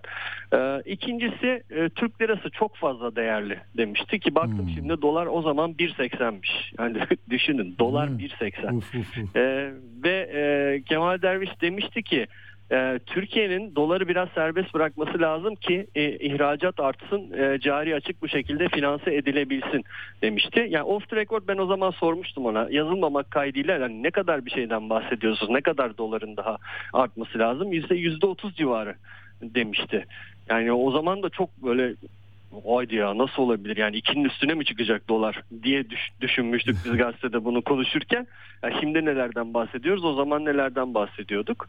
Üçüncü uyarısı da şuydu insanları ayrıştıran değil barıştıran bir yapı Hmm. devam etme, etmeli demişti. Yani o uyarının aslında ne kadar doğru olduğu e, ortaya çıkıyor. Daha sonra Kemal Derviş'in eşiyle ilgili Amerikalı eşi Catherine Derviş'le ilgili bazı iddialar Güneş Taner tarafından dile getirilmişti. O zaman da ben kendisine birkaç ay sonra ulaşmıştım. Ya beni beni konuşmayı bırakın artık. Beni dinlemek size vakit kaybettirir. E, ciddi olmayan tartışmalarla e, Türkiye'nin e, e, vakit kaybetmemesi lazım. E, çok ciddi ve çözüme ihtiyacı olan sorunlar var demişti. Babacan'ı takdir ettiğini söylemişti. Vesaire vesaire böyle bir Kemal Derviş e, dünyadan göçtü gitti Geldi, geçti. e, diye de evet evet. Yani e, şey tabii onun Yani aynı de dönemde vardır, çok sevmeyeni de vardır. Biliyorum Vardır. seveni de vardır, sevmeyeni de vardır. Uyguladığı politikaların e, özellikle tarım politikalarının bugün Ali Ekber Yıldırım da yazmış. Yani pancar ve şeker üretimine çok büyük darbe vurduğunu e, şeyin Kemal Derviş'in e, söylenir. E, tütün üretimine çok büyük darbe vurduğu söylenir. E, ve o nedenle tarım politikalarında çok önemli zararlar verdiğini e, söyler. Özellikle bu tarımla ilgilenen ekonomistler Kemal Derviş'in. Ben dediğim gibi ama Babacan da mesela çok değerli dostum Türkiye'nin düzlüğe çıkmasına çok yardımcı olan e, Kemal Derviş'i kaybettik diye bir tweet atmış. Yani çok seveni de vardı. Çok... kayyum ama kayyum gibi gelmişti Uğur. Ben Tabii, tabii, hatırlıyorum da. kesinlikle öyle. Değil mi? Yani öyle. dünya ekonomik sisteminin bu e, büyük ülkelerin, Batı'nın e, yani Türkiye'yi çıkaralım ama da, da- daha çok ürün alsın. Bize yine bağımlı olsun. Her şey güllük gülistanlık olsun. Evet, IMF de evet. burada olsun. Ama Öyle getirinin bir- Ecevit olması çok enteresan. Çünkü Tabii. Ecevit e, telefon ediyor Kemal Derviş'e. Bugün onu televizyonda anlattılar. Çok enteresan bir anekdot. Amerika'dayken Hmm. Kemal Derviş telefon çalıyor. Eşi açıyor telefonu. Ben Türkiye Cumhuriyeti Başbakanı Bülent Ecevit Kemal Derviş'le görüşeceğim diyor. E, kadın dönüyor Kemal Derviş'e diyor ki ya burada başbakan olduğunu iddia eden birisi seni arıyor diyor. Bizi işletiyorlar galiba diyor. Kemal Derviş telefona geliyor. Gerçekten Bülent Ecevit. Ee, ve Ecevit diyor ki Türkiye'nin size ihtiyacı var. Lütfen e, Türkiye'ye gelin e, konuşmamız gereken şeyler var diyor. Öyle geliyor Kemal Derviş Türkiye'ye. Yani kendi başına gelmiş. Hmm. Ben e, IMF'nin temsilcisi olarak Türkiye'ye geldim. Şunları yapacaksınız diye bir şey yok. Yani davet üzerine geliyor ve e, o program uygulanıyor. Anladım. Peki Allah rahmet eylesin diyelim. Uğur teşekkür ediyoruz sana da. Ben Çok sağ ol. teşekkür ederim. Görüşmek üzere. Evet küçük bir e, şimdi yolcuya gideceğiz. Küçük bir tanıtım verelim. Arkasından yolcunun kapağıyla birlikte e, yolcuyu dinlemeye başlayalım. Radyo haberciliğinde bir klasik. Sorulmayanı soran, haberin peşini bırakmayan tarzıyla bir marka. Atilla Güner'le Akşam Postası, gündeme damga vuran konu ve konuklarla hafta içi her akşam 17'de Radyo Sputnik'te. O gizemli bir yorumcu. Ben kahin değilim ama herhalde hatırlayacaktır değerli dinleyiciler. Bir yıldan fazladır keser döner sap döner hesap döner diyordum. Hesap döndü. Adı yolcu. Memleketi, dünyayı geziyor ve anlatıyor. Eski askeri vesayet yerine sürekli bir dış güçman üretenle ahiret üreten karşılığında da tanıdık yandaş vesaireyi besleyen bir kapitalist sistem var. Tahlil ediyor, düşündürüyor. Biz artık insan bir baba ya da devlet bey değil Atilla. Soyut kurum olarak devlet babayı istiyor halk. Yolcunun çarpıcı yorumları Atilla Güner'le Akşam Postası'nda. Atilla Güner'le Akşam Postası devam ediyor. Evet hoş geldin sevgili yolcu. Atilla merhaba, herkese iyi akşamlar, hoş bulduk. Çok teşekkürler. Nasıl giriyoruz? Son düzlükte ne oluyor? Atilla ben şimdiden söyleyeyim bu cümlelerimi. Daha sonra yanılırsam özür dileme hakkımda saklı kalsın. İsteyen ayran, isteyen çay, isteyen kahve, isteyen şampanyasını hazırlasın. Bu kadar net söylüyorum. Yani çok büyük ihtimal birinci turda bitecek. Hı, %60-40 oranın devam ediyor mu? E, aynen devam ediyor. Hatta artarak devam ediyor. Hmm. Özellikle öz- bunun da gerekçesi ne? Dedik ya hep bugünkü gibi giderse, bugünkü gibi olursa. Çünkü şunu gördük Atilla. Hmm. E, iktidarın elinde Dedik ya siyaset bir vaat işidir. Hiçbir vaat kalmadı. İktidar ter, e, tekrar gitti Ortaköy Camii'nde içki içkilere döndü. Ya Atilla bu akıl almaz bir şey. Defalarca ispat edilmiş konuya şahit olan kişinin ki kendisi din in- adamı. Bu din adamı defalarca anlattığı, söylediği, tehdit edildiğini söyledi. E, sığınacak bir şey kalmadı Atilla. Ve kitleyi manipüle etmek için kullanılan bir şeydir bu. Aynı söylemi yani benim hakkımda bir iddiada bulunuyorsun. Ben diyorum ki Atilla ben o kırmızı arabayı görmedim. Sen diyorsun Evet. ki yolcu itiraf ediyor defalarca görmüş elimizde de belgeler var. E Ben de o zaman diyorum ki göster yok belgeleri göstermiyorum. Ya kardeşim siz 20 senedir olmayan şeyleri uydurarak gösteriyorsunuz. Olanı göstermekten geri adım mı atarsınız? Mümkün değil bu. Tabii. Ama Türkiye'nin açmazlarından biri. İkincisi hem iktidar hem muhalefete baktığımız zaman abartılı sayılar kullanıyorlar. Ee, işte İstanbul Havalimanı'nda 1.7 milyon. Ya 1.7 milyon demek Atilla çok basit bir şeydi o.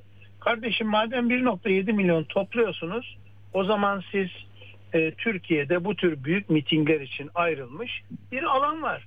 Orada yapsaydınız mitingi. Niye orada yapmadınız? Çok basit. Çünkü oranın metrekaresi itibariyle öyle kenarlara bir şey koyman söz konusu olmaz. Zaten yanları açık oranın. Kasıtlı daralttığım belli olur. Oysa Atatürk Havalimanı'nda yukarıdan çekilmiş bir fotoğraf var. Onu Google Earth'e baktım. Yine gönderirim size gösterirsiniz de öbür gün. Atilla o alan aşağı yukarı 220 bin metrekare. Her tarafı doldursan 600 bin yapar. Ki dolmamış ama her nereden çıktı 1 milyon 700 bin? Buradaki mesele biz çok taraftarımız var. Bizi çok destekliyorlar. Kesinlikle ve kesinlikle herkes bizi destekliyor. Yani siz de boş yerine umutkar olup da seçime gitmeyin mesajı ama bu da para etmez. Çünkü seçime bir hafta kala insanlar o kadar yüksek bir enerjiyle bunu görüyorlar ki maalesef böyle bir durum var. Yarın e, bir görüntü göndereceğim size. Bilemiyorum yayınlayabilir misiniz? Hollanda'daki maalesef seçimde e, Türk e, seçmenlerin birbiriyle nasıl kavga ettiğini gösteren bir tane kavga çıkmış. Evet. Çok acı, Evet. çok sevdim. İzledim. Onun görüntüleri geldi Hollanda'dan bana. Ee, çok acı ama keşke böyle olmasaydı. Böyle bir görüntü var. Taraflar birbirlerine girmişler. Ee, e, Türkiye için kötü bir demokrasi sınavı diyebiliriz. Atilla bizim burada hep konuştuğumuz konu neydi? Muharrem İnce'deki puan düşüşü devam ediyor mu? Ediyor Atilla.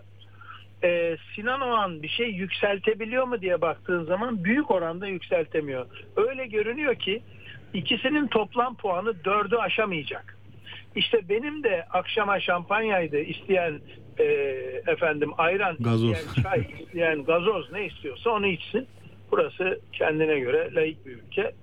E, bu istediğiniz şeyleri sizlerin afiyetle içebilmeniz için bir kritere ihtiyaç var. İktidarın 27 milyon oy alması lazım. İktidar en fazla 24 milyon oy aldı ve bu 24 milyon oy %90 katılım için 27 milyonu ön şart koyuyoruz. Bu 24 milyonun üzerine 3 milyon daha oy demek. Yaklaşık olarak her bir oy kaba hesap tabii konuşuyoruz. 560 bin ise 6 puan önde olması lazım. 6 puan e, şu anda 6 puan önde olması demek yani şimdiye kadar hiç Çok detaylara girme yolcu olur mu? Hani belki Evet, Rütük'te evet, anket yasağına girmesin. Aynen aynen. Şimdiye kadar hiçbir veride olmadığı için ben rakamları söylemeyeceğim. Hı hı, Sadece hı. fark anlamında konuşuyorum. O rakamlar itibariyle bakıldığı zaman maalesef mümkün gözükmüyor. Ee, İstanbul'daki 1.700'ü nereye koyacağız yolcu? Onu da koy- toplama alalım mı? Atilla o bu ya 1700 yok orada. 600 bin kişi Tamam. var. 500 600 Ama var diyorsak var abi. Yani enflasyon da mesela %20 ya da cari fazla var diyoruz biz. Bir şey diyor musun sen? Ayrıca 17 ayda faizde %5'in tek haneye düşecek diyor bravo. bakan. Abi. Ee, Valla e, yani yakında göreceğiz ki görünen o ki bakan düşecek ama enflasyon düşmeyecek Atilla. Maalesef bunu göreceğiz. Hayat böyle işte keser dönüyor sap dönüyor. Ee, öbür taraftan Erzurum olayları ya Erzurum olaylarında her şeyden önce e, insanlar çocuklar kadınlar yaralanmış Atilla.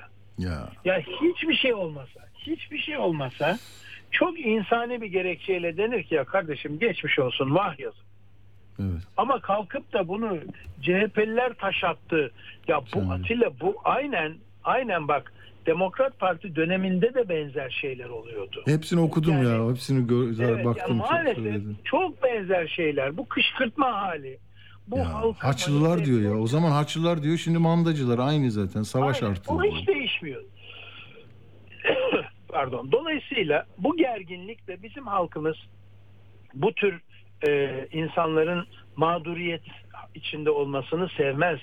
AK Parti bununla iktidara gelmişti. Başörtülü bacılar haklıydı argüman çünkü o çocuklar okula gidemiyordu. O çocuklar e, okuyamıyordular. E, böyle bir argüman vardı. Ha o kadar çocuk okula gitti de başörtülü gençlerin çalışma hayatında sayısı arttı mı dersen görece olarak artmadığını rahatlıkla söyleyebilirim sana. Aradan 20 sene geçti. Başörtülü olan, türbanlı olan hanımefendiler kaç şirkete CEO olabildiler? Kaç şirkette en üst düzey göreve getirildiler? Aileleri tarafından o da soru işareti. Yani dolayısıyla onun e, çok haklı bir gerekçeydi tartışmaya gerek yok. Ama onun bir manipülasyon, toplumsal manipülasyon içinde politikaya hizmet ettiği maalesef aşikar. Yazık yani gencecik kadınların okumasının önü alınmıştı. Son derece yanlıştı. Fakat o insanlar 20 yılın sonunda hak ettikleri yerlere geldiler mi? Maalesef o bir gerçek değil Atilla. Bu bağlamda bakıldığında da bilmediğimiz bir diğer konu e, deprem bölgesindekilerin kanaatleri ne yönde değişti? Bunu bilmek çok mümkün değil ama orada çekilen ızdıraptan, orada e, yaşanan sıkıntılardan hükümeti haklı görmek, başarılı görmek ya da hükümeti haksız, başarısız görme oranına bakacak olursan halkın 8,5 milyon kadar bir kitle var orada. Bu 8,5 milyon insanın vereceği oy nereye doğru evrilir? Ben bunun iktidardan birkaç puan sildiğini düşünürüm. Dolayısıyla bu baştaki 27 milyona ulaşmak mümkün olmayan şimdiye kadar en fazla 24 milyonluk bir oy kitlesinden bahsediyoruz. İşin içine pandemiyi, işin içine depremi, işin içine ekonomik krizi ve son zamanlardaki halkın dertleri yerine bu dertlerden kopmuş e, kavramları konuştuğun zaman halkın bu konudaki tepkisi çok şaşırtıcı oluyor. Bir önceki dönemde AK Parti ilk iktidara gelirken e, haklı gerekçelerle halkın sorunlarından bahsederken bu sefer o günkü iktidar da laiklik diye bir meseleden bahsediyordu. Laiklik toplumsal düzlemde sahiplenilmiş ve sorunlu olarak bütün toplum tarafından e, sahiplenilmiş bir kavram değildi. E iktidar da o günkü iktidar da o günkü gerçekten kopmuş bir meseleyi anlatıyordu ama o günün meselesi değildi bu. İşte hatırlayacaksın e, 38 bankaydı galiba batan bankalar. Paralar sıkıntılıydı, gelirler problemliydi. İşte bütün bu düzlemde bir bakıyorsun e, derler yani Anadolu'da Allah seni işte iddia ettiğin konuyla test ediyor, sınava sokuyor. Dolayısıyla yine aynı şekilde test ediliyorsun ve ne yazık ki dün söylediğin konular bugün için bir problem yaratmaya başladı. Aynı şeyi düzeltmek için iktidara gelip maalesef problemleri çözemeyen bir iktidar duruşu var. Bugün Türkiye'nin e, içinde bulunduğu koşullara baktığın zaman taş atma olayı sürekli olarak bir e, karşıda düşmanlaştırma, ötekileştirme en nihayetinde bu bir seçim. Seçim bittikten bir gün sonra komşumuz değişmiyor. Seçim bittikten bir gün sonra tedarikçimiz değişmiyor. Hani insanlar bazı tercihleri ekonomik gerekçelerle yapar. Çocuğumuzu o okuldan alıp başka okula vermiyoruz. Nişanlımız değişmiyor. Yani dolayısıyla bunu bu kadar düşmanlaştırmanın bir gereği yok. Aksine ya geçti gitti. Hani seçimde o kazandı bu kazandı. Benim kendi iddialarım var ama hep söylüyorum ben de kahin değilim. Yanlış da bir şey söyleyebilirim. Tamamen hatalı görmüş olabilirim. Sanmıyorum ama yine de bir, bir marj bırakalım. Ee, bu seçimde iktidar değişmesi halindeki görüntü budur. Birinci turda olmasa bile ikinci turda mutlaka olacaktır. Görünen budur. Bu dönem nedeniyle insanları sokağa teşvik ederek sokağa çıkan insanlar üzerinden de bir provokasyon ve şunun sözlerinin konuşulması bile son derece olumsuz. Ya yaparlarsa, ya ederlerse, ya iptal ederlerse gibi son gün bile hala bunların konuşulması kötü. Atilla şöyle bir denklem düşün. Diyelim ki sen çok bilgili, görgülü bir insansın. Etrafından sana diyorlar ki ya Atilla Bey kitap yazsanıza. Ya siz bir kitap yazarsanız süper olur. Atilla Bey ne olur bir kitap yazın. Şimdi Var böyle şeyler oluyor hakikaten. Nereden geldi aklına? Ama- Evet. Ama insan psikolojisi şöyledir. O kitabı yazarsan ortaya bir eser çıkacak. İnsanlar beğenecekler, beğenmeyecekler o bir sonuç. Ama yazmazsan ortaya müthiş bir şey çıkacak. Beklentisi hep devam edecek. O yüzden bazı insanlar o kitabı yazmaz. Yazmayarak yazarsa neler yaratacağının ne kadar büyük, ne kadar hikmetli bir şey olacağının konuşulmasından daha memnun olur insanlar. Siyasetin de bugün yaptığı o. Çıkıp asla şu açıklama yapılmıyor ya. Ne münasebet seçimi ertelemek. Ne münasebet seçimde hile yapmak. Ne münasebet söz konusu bile değil bizim iktidarı terk etmememiz. Halkın iradesi esastır. Öyle bir vesayet olamaz. Biz zaten bu vesayete karşı çıktığımız için geldik. Demokrasi inancımızı sarsamazsınız. Biz bir tek oya bile saygılıyız. Niye demiyor Atilla? Yani aynı Eşit bir yarıştan sonra değil mi? Siz kime karar verirseniz o Türkiye için çalışacak. Yani O ama yani. karşı taraf Fransız, İngiliz e, askeri üniformalı e, şey oldu ya. Değil mi? Doğru. Darbe yapacak iştirakçıyız yani. Tabii. Aynen darbe yapacak ama aynısını aynısını kendileri karşı çıkarak gelmişlerdi. Tabii bir ara irtica gelecek. Bunlar ülkeyi yönetemez. Bunlar kötüdür propagandası nedeniyle geldiler. Ha bu arada o görüşlerin bazıları da haklıymış. Onu görüyoruz. Ülkenin ne hale geldiğini gördüğümüz için söylüyoruz ama bunlar yönetemez. Önemli değil Atilla bu argüman. Burada tehlikeli olan argüman şu. Lütfen bunu not alınız değerli dostlar. Bunlar yönetemez önemli değil. O bir iddia. Bir tek ben yönetirim kötü ve hastalıklı durumdur. Sadece ben yönetebilirim. Benden başka alternatifiniz yok. Bu hem narsist bir durumdur, hem kişinin kendisine aşık olmasıdır, hastalıklı bir durumdur. Artı ülke geleceğine oligarşik bir yapıyla ipotek koyma meselesidir. Bunlar yönetemez anlarım bunu. Bunlar yapamaz, şundan dolayı yapamaz, bundan dolayı yapamaz. Bunu anlarım. Ama bir tek ben yönetirim konusu son derece sağlıksızdır. Ne bunu bir şirkette söyleyene bahsedebiliriz.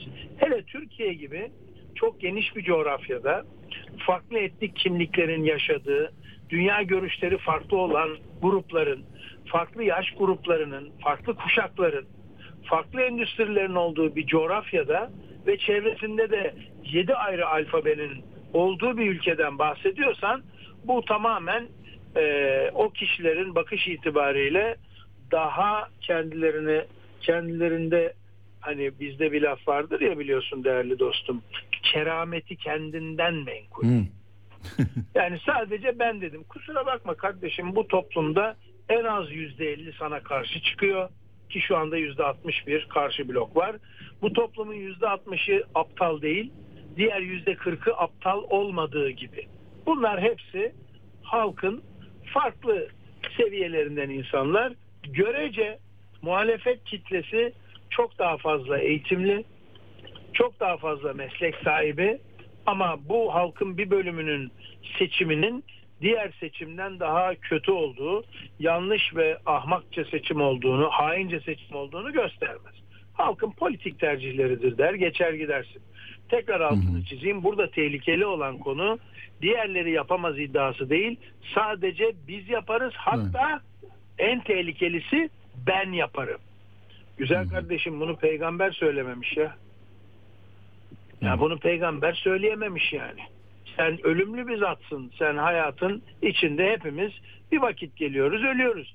E bir tek sen yapacaksan biz yerine kimi koyacağız? Biz sana niye bu kadar mahkumuz?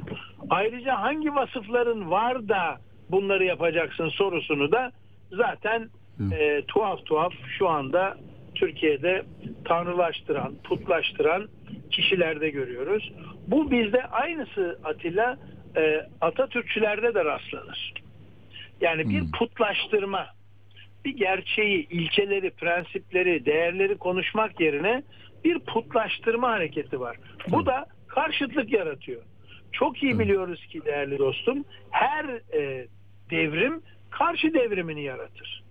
Cumhuriyet tarihinde son sözüm de bu olsun bugün için. Cumhuriyet tarihinde ilk Kemal geldi. 100 yıl önce bir cumhuriyeti kurdu, oluşturdu. Yukarıdan aşağıya bir devrim oldu. Evet Jacoben'di. Zaten 300 sene gecikmiş bir toplumda yüzde 28 şey 1928'lerde 25'lerde yüzde 8 civarında okuma yazma olan bir toplumda halkla oturalım konuşalım ikna edelim de devrimler yapalım mümkün olmadığı gibi bütün devrimler böyledir bu arada.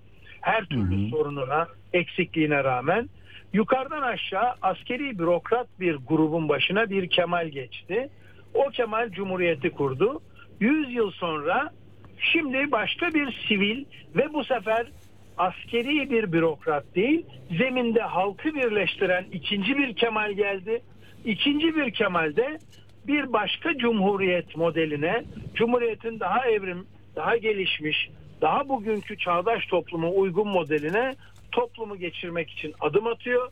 Bu adımın da karşılığını göreceğiz. Ancak önümüzdeki iki sene öyle kolay geçecek bir iki sene değil.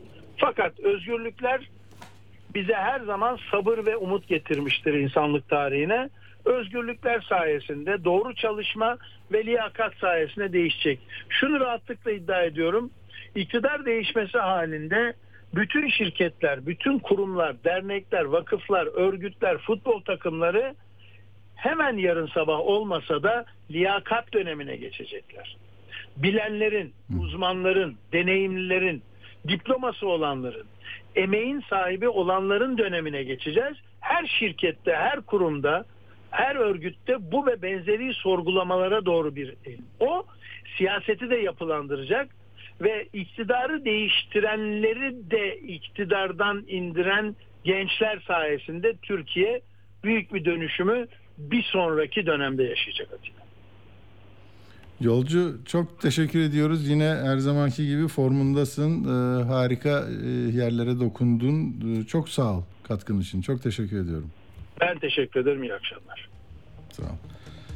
Evet belki kapanırken e, bugün liderler ne yaptı e, meselesini bir tekrar gündeme getireceğim. Bir iki dakikam var. İmamoğlu Konya'daydı dedik. Orada bir provokasyon yapmaya çalışan bir kişi gözaltında diye bir e, ibare var. Onu size aktarmayı unutmuştum. Erdoğan Kırklareli Edirne Tekirdağ yani göreceli olarak Cumhuriyet Halk Partisi'nin her zaman e, oylarının fazla olduğu bir Avrupa'daki parçamızda bu e, gün. Saat 1'de e, Kırklareli'nden başladı Edirne Tekirdağ. Yani ne dedi derseniz e, şey dedi işte benim milletim değil ülkeyi günahını bile vermez bunlara dedi. Ee, ve Kur'ansız bunlar Kur'ansız, kitapsız, ezansız diyor.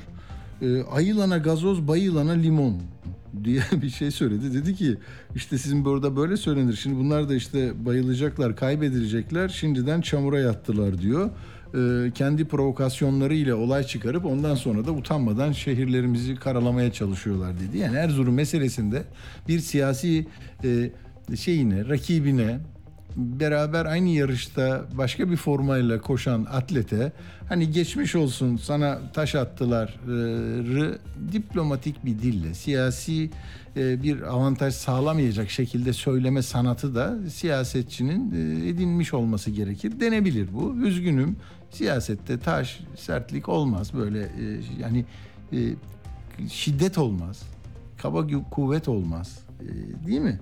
Ama yok abicim şey yani işte provokasyon yaptınız bir de utanmıyorsunuz. Yani şimdi gittiğin orada konuştun provokasyon. Yani emniyet tedbir almamış gelmiş adam bozkurt işareti yapıp taşı atıyor. Neden?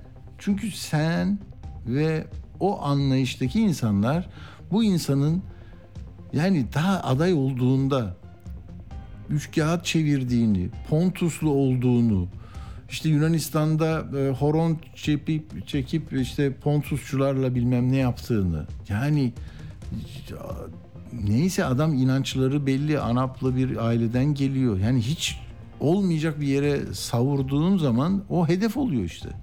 Yani siz senin gibi aynı şekilde bir belediye başkanlığı var İstanbul'da. Belki senin yaşadığın sıkıntıların bir bölümünü yaşadı. Çünkü dediler ki başkan seçildi 7 bin 9 bin oy farkla. Aman dediler kopyasını alıyor. Bütün bilgisayardaki verileri alıyor. Olur mu? Orada MIT'in Cumhurbaşkanlığının tesisleriyle ilgili şeyler var. Hemen durdurdular mahkeme kararıyla. Ve sonra 800 bin oyla Haziran'da bu iş oldu. Demek ki kolay olmuyor. Yani kolay verilmiyor. Mücadeleyle alınıyor. Şimdi bakıyorum Adana'da ekranlarda e, İmamoğlu Mansur Yavaş'tan sonra o çıktı. Baya bir kalabalık var, coşku var. Yani böyle gidiyorlar. Ama ben bir e, aman ha yanlış anlamayın. Çarşamba günü e, Rize ve Trabzon'a gidecek İmamoğlu. Şimdi Trabzon kendi memleketi ama Soylu'nun da memleketi. Orası diri bir şehir, heyecanlı bir şehir. Rize Erdoğan'ın şehri. E, umarım oradaki kamu görevlileri güvenlik güvenlik önlemi alacak emniyet e, bürokrasisi gereği gibi e, şey yapar, e, işini yapar. Orada tansiyonu yükseltecek, insanları e, gerecek bir harekete izin vermez e, diyorum. E, çünkü gidişat e, burada bir zemin oluşturdu ve o zeminden kim nasıl faydalanır bilmiyorum. Yani e, neyse bir benzetme de yapmak istemiyorum. Bu kadar diyeceğim. Başka da bir şey söylemiyorum ama birbirimizi anlama ve birbirimizin sözlerinden çıkardığımız sonuçla eksik fazlasına itiraz edebiliriz. Sorularla açabiliriz birbirimizi. Ekranda görüşmüyorsunuz, tebligat yapıyorsunuz ve istenen o ki e, bunlar düşman güçlerin e, mensupları bunlara teslim etmeyin. Biz geldik, iyi gidiyoruz, devam edeceğiz. Ee, ömrümüz yettiğince biz iktidarda kalalım ama o sandıklar niye kuruluyorsa, size niye soruyorlarsa e, onun gereğini e, yapma e, durumunuz var. Umarım her şey daha esenlikli bir memleket, daha iyi bir hanede yaşamanın keyfini yaşarsınız. Hadi bakalım iyi akşamlar olsun. Atilla Güner'le Akşam Postası sona erdi. Radyo haberciliğinde bir klasik. Sorulmayanı soran, haberin peşini bırakmayan tarzıyla bir marka. Atilla Güner'le Akşam Postası, gündeme damga vuran konu ve konuklarla hafta içi her akşam 17'de Radyo Sputnik'te.